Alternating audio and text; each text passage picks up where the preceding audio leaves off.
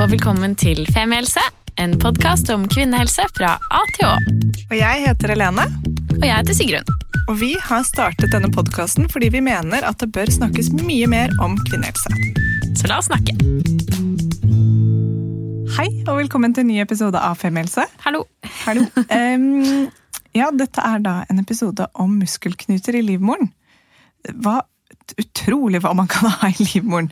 Ja. Og ja, Det er, faktisk, det er ikke et helt nytt tema for meg. Eller jeg, jeg har hørt om flere som har opplevd å, å ha det ja i, på en eller annen måte. Så jeg gleder meg veldig til å lære mer om det nå. jeg kjenner jeg. også. Um, vi har jo heldigvis med oss en ekspert eh, på dette temaet, og det er deg, Kirsten. Velkommen til oss. Tusen takk. Det er veldig hyggelig å ha deg. Kan ikke du introdusere deg selv? Jo, jeg heter Kirsten Hall. Jeg eh, jobber som overlege på Kvinneklinikken på Oslo universitetssykehus. Eh, og du har skrevet en doktorgrad. Om muskelknuter. Ja. Ja. Om behandling av muskelknuter Altså, det er så Ja, kult. Men, og det er snakk om muskelknuter i livmoren. I livmoren. Ikke sant? Ja, for det fins muskelknuter andre steder ja, for nå også. sa jeg bare muskelknuter. Eller Ja. sa vi kanskje begge to? Jeg, eh, jeg sa livmoren. Ja, Det sier jeg også. Ja, okay. bare For muskelknuter i livmoren er det kanskje det mest vanlige. Det er ikke så vanlig å ha det andre steder. Nei. Men det er det vi snart skal snakke om nå, håper jeg. Ja, det er det. Vi hadde i hvert fall tenkt det. Det er mulig vi ikke sa det, men det var det vi tenkte. Ok, Men hva, hva er det egentlig?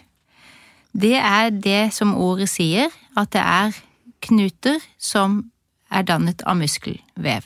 Det er også litt bindevev, men det er hovedsakelig sånn utgått fra muskelvevet i livmoren. Så det er inni veggen på livmoren, på en måte? Ja. Eller inni livmoren, eller hvor ja, er det? livmoren består av en vegg som består av hovedsakelig muskelvev.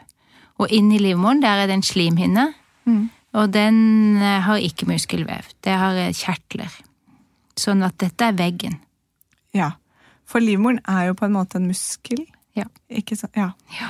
Ehm, og hva skjer hvis du får Får man én muskelknute, eller får du 100, eller hvordan pleier dette å utarte seg? Du kan få begge deler. Ja. Noen får én, og noen får kanskje ikke 100, men 20 kanskje.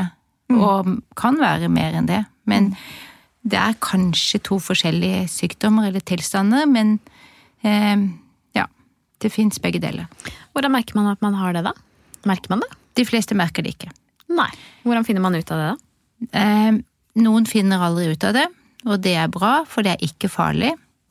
Eh, hvis man ikke merker de, så skal man ikke bry seg om de. Det er veldig viktig.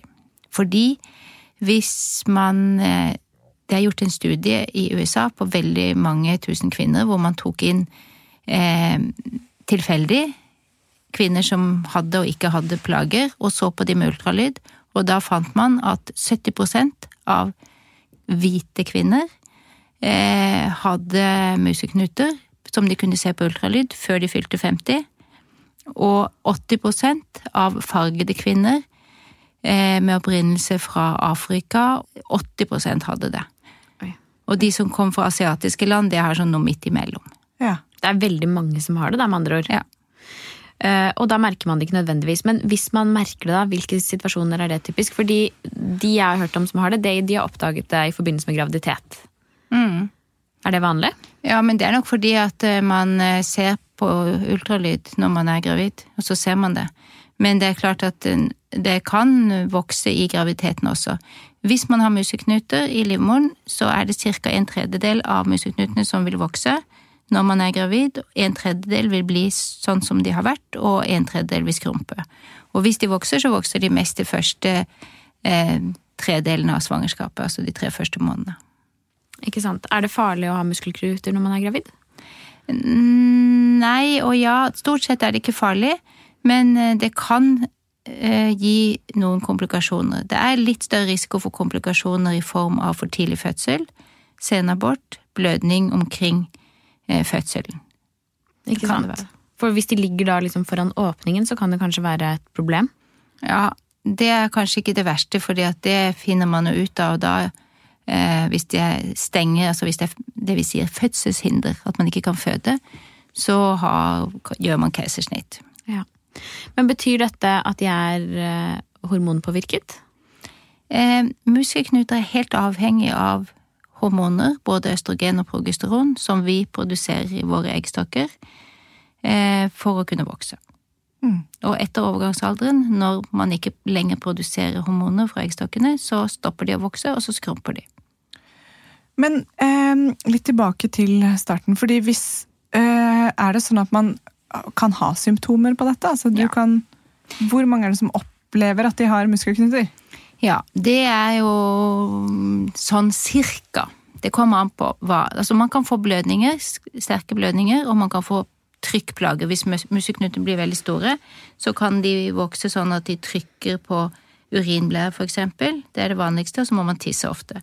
Eller så får man kraftige menstruasjonsblødninger. Det er cirka kanskje sånn 20% av alle de som har museknuter, får en eller annen plage. 20 til 40% Det er veldig vanskelig å finne ut av hvor mange som får det. Men noen får det, og veldig mange færre enn de som har det.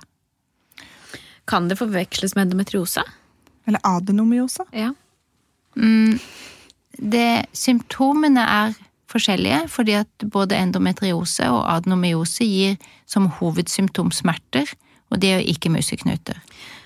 Ja. Men hvis du, ser, hvis du går til legen fordi du kjenner en klump og har sterke menstruasjonsblødninger og kanskje smerter, da kan det være vanskelig for legen å se på ultralyd om det er adenomyoseknute eller en muskelknute. Og hvis det var to helt fremmede begrep for deg, endometriose og adenomyose, så har vi laget en episode om det som du kan høre på. Ja, skroll deg tilbake. Skroll deg tilbake. Ok, Så da kan legen ha problemer med å se hva det er. Men hva er behandlingen da? Eh, behandlingen skal for det første bare gjøres for de kvinner som har symptomer. For hvis ikke så blir det unødvendig behandling. Eh, og da er det mange forskjellige ting man kan gjøre. Eh, og det kommer helt an på hvor gammel kvinnen er, hva slags symptomer hun har, og om hun skal ha barn eller ikke skal ha barn, og litt sånn hva hun ønsker selv, da. Hvis Helene da hadde fått nå påvist muskelknuter, hvor gammel er du, Helene? 35, ikke fått barn enda. Nei. Og, hadde, og blødde kraftig. Hva ville du sagt at jeg burde gjort da? Ja, da måtte jeg undersøke det og finne ut hvor den, om du hadde muskelknute. Hvis du hadde det, hvor ligger den? Ligger den inni veggen, eller har den begynt å vokse innover mot livmorhulen, sånn at den påvirker den slimhinnen som er viktig for både om du blør og om du kan bli gravid, og sånne ting. Da må man se på det. Og avhengig av eh, Da tenker man at vi skal bevare livmoren din, sånn at du kan bli gravid senere. Ikke sant? For et alternativ er å fjerne livmoren. Ja, hvis du er ferdig, det enkleste er hvis du er ferdig med å få barn og har problemer med blødninger eller trykkplager og ikke trenger den livmoren mer, så kan det være et godt alternativ å fjerne livmoren. Men det er det jo ikke for deg. Nei, Nei. ikke ennå. Vi får se. Nei. Nei Men- da har vi mange ikke- andre altså Da kan på blør du det er det, Jeg vet ikke hvor lang tid vi har, men hvis du blør, så kan man jo bruke eksempel p-piller. Kanskje det er nok? Man tar det enkleste først. Man kan bruke en hormonspiral. Kanskje det er nok. Kan det påvirke fertiliteten? Eh, muskelknutene. Ja. Hvis de vokser innover imot den der slimhinnen der hvor, hvor inni livmorhulen, der hvor fosteret skal Det såkalte befeste seg. endometriet? Ja, Ja. det har du lært. Wow, Ja, jeg kan. Jeg kan et, et par begreper. Hvis det vokser innover der, da kan det påvirke eh, evnen til å bli gravid, og kanskje du eh, Det påvirker også noen ganger sånn at du, du kan abortere lettere. Men hvis den ligger inni veggen, og særlig hvis den vokser liksom på utsiden, sånn at den, man bare kjenner den, da kan den være veldig stor uten å påvirke noe som helst. Evnen til å bli gravid eller bære frem barn. Fordi jeg lærte noe nytt apropos det med å fjerne livmor. Eh, Jeg har ikke skjønt at du kan fjerne livmoren uten å fjerne eggstokkene. Og at du da liksom fortsetter med, og ikke går direkte da i overgangsalder, som jeg har tenkt at det er utrolig kjipt å gjøre. For en venninne av meg har veldig kraftig endometriose, og, skal nå, og hun har fått de to barna hun skal ha, hun skal ikke ha flere, eh, og hun skal nå fjerne livmoren. Og det syns jeg var Og da var jeg sånn Stopp! Du kommer til å gå i overgangsalderen. Og hun bare Jesus, jeg skal ikke ta eggstokkene. Jeg bare, oh, ja, he, he. Men henger ikke de fritt rundt der inne, da? Ja, de Eller tjorer man ikke- de, de henger ikke helt fritt rundt, fordi de har en sånn eh, oppheng hvor hovedblodtilførselen går inn. De må jo ha blodtilførsel for å leve. Så de henger, og det opphenget er et annet sted enn der livmoren er. Mm. Der hvor den, så de, når vi tar vekk livmoren, så blir eggstokkene hengende igjen i sin egen, eh, på sitt eget sted, da. Med god blodforsyning til seg selv. Så da, og, men før i tiden, grunnen til at det, man tror det, er at før i tiden våre, i hvert fall min, min mor og min generasjons eh, mødre, de fikk mer eller mindre rutinemessig fjernet sine eggstokker med det samme, siden man likevel var der inne. Men det er det helt slutt på. Ingen gjør det. Nei, ikke sant? Så bra. Ja, nei, og det og ett og et halvt år inn i femielse så lærer vi noe nytt, Siggen. For dette er veldig eh, interessant, men, men så vet jeg også at det å fjerne livmoren, for jeg kjenner jo noen som har gjort det, og det er et rutineinngrep alt det, men man Mm. er ganske skral ganske lenge etterpå. I hvert fall er de jeg kjenner som har gjort det. Det varierer jo sikkert veldig på Ja, form. det er veldig varierende, og hvis man gjør det med kikkertkirurgi, sånn som vi gjør de aller fleste livmorfjerningsoperasjonene, både hos oss og i de aller fleste steder i Norge, så, så blir man ikke syk lenge, men det er klart det er en ganske stor operasjon, og man skal ikke gjøre det hvis man ikke behøver det. Nei, ikke sant. Og da er det jo egentlig sånn at de aller fleste som har eh, knuter, eh, muskelknuter i livmoren, ikke trenger å gjøre noen ting som helst. Nei, det er det viktigste. Ja, for nå villeder vi oss veldig langt inn i Ja. alvorlige Ja. behandlingsformer. Men Men det man var- kan, man kan fjerne museknutene, bare museknutene også. Mm. Og det kan man også gjøre med kikkertkirurgi, hvis det ikke er altfor store og altfor mange. Men det er en like stor, eller kanskje større operasjon enn å fjerne livmoren. Så det gjør man kun for de som har knuter som ligger sånn at vi tror de påvirker, eller allerede har påvirket evnen til å bli gravid, og som skal ha barn senere. Det er viktig. Ja. Er det slik at en, eh, en gynekolog kan eh, se dette for de aller fleste, eller må man ha en sånn spesialkompetanse for å se en sånn knute? Nei, det tror jeg de flere, det kan alle gynekologer se. Ja. Vi ser i hvert fall kanskje at det er noe der. De kan kjenne igjen en museknute hvis de ser med ultralyd, og alle gynekologer har ultralyd, så det kan man finne ut av. Vi har ikke tiltro til noen, men Nei, Jo, det har vi.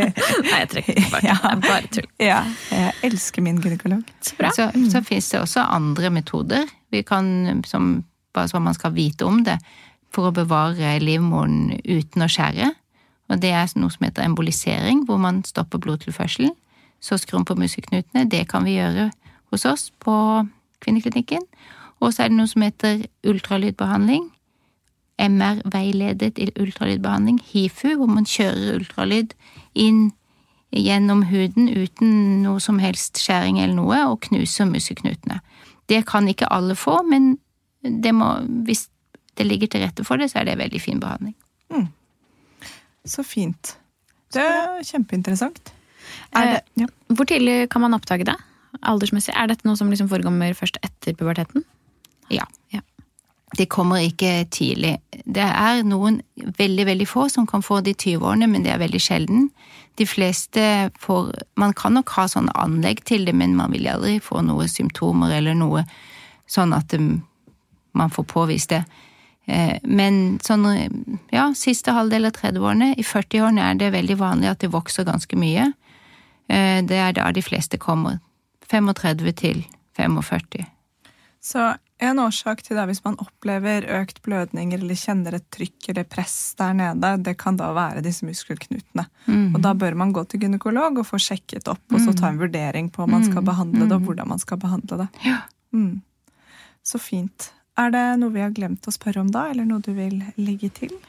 Ja, jeg sa vel kanskje ikke så veldig mye om det medikamentelle behandlingen som vi skulle gjøre først. Det var det med p-piller og hormonspiral, og så finnes det også noen sånn eh, progesteronhemmere som man også kan bruke eh, i sånne kurer. Og ja, det er vel det viktigste. Så man, man skal ikke begynne med verken kirurgi eller andre ting før man har prøvd alle de tingene. Riktig. Så fint. Så bra. Ja, Tusen takk, Kirsten, for veldig gode og ryddige svar. ja veldig. Muskelknuter, vær så god. Tusen takk for at du hørte på, og send oss gjerne en melding hvis du lurer på noe, eller det er noe du vil at vi skal snakke om. Så gjør vi kanskje det. Det kan godt hende. okay. Vi snakkes. Det vi. Ha det. Ha det bra. Tusen takk for at du hørte på podkasten vår. Selv om det forhåpentligvis kommer tydelig frem, så vil vi understreke at vi ikke er helsepersonell.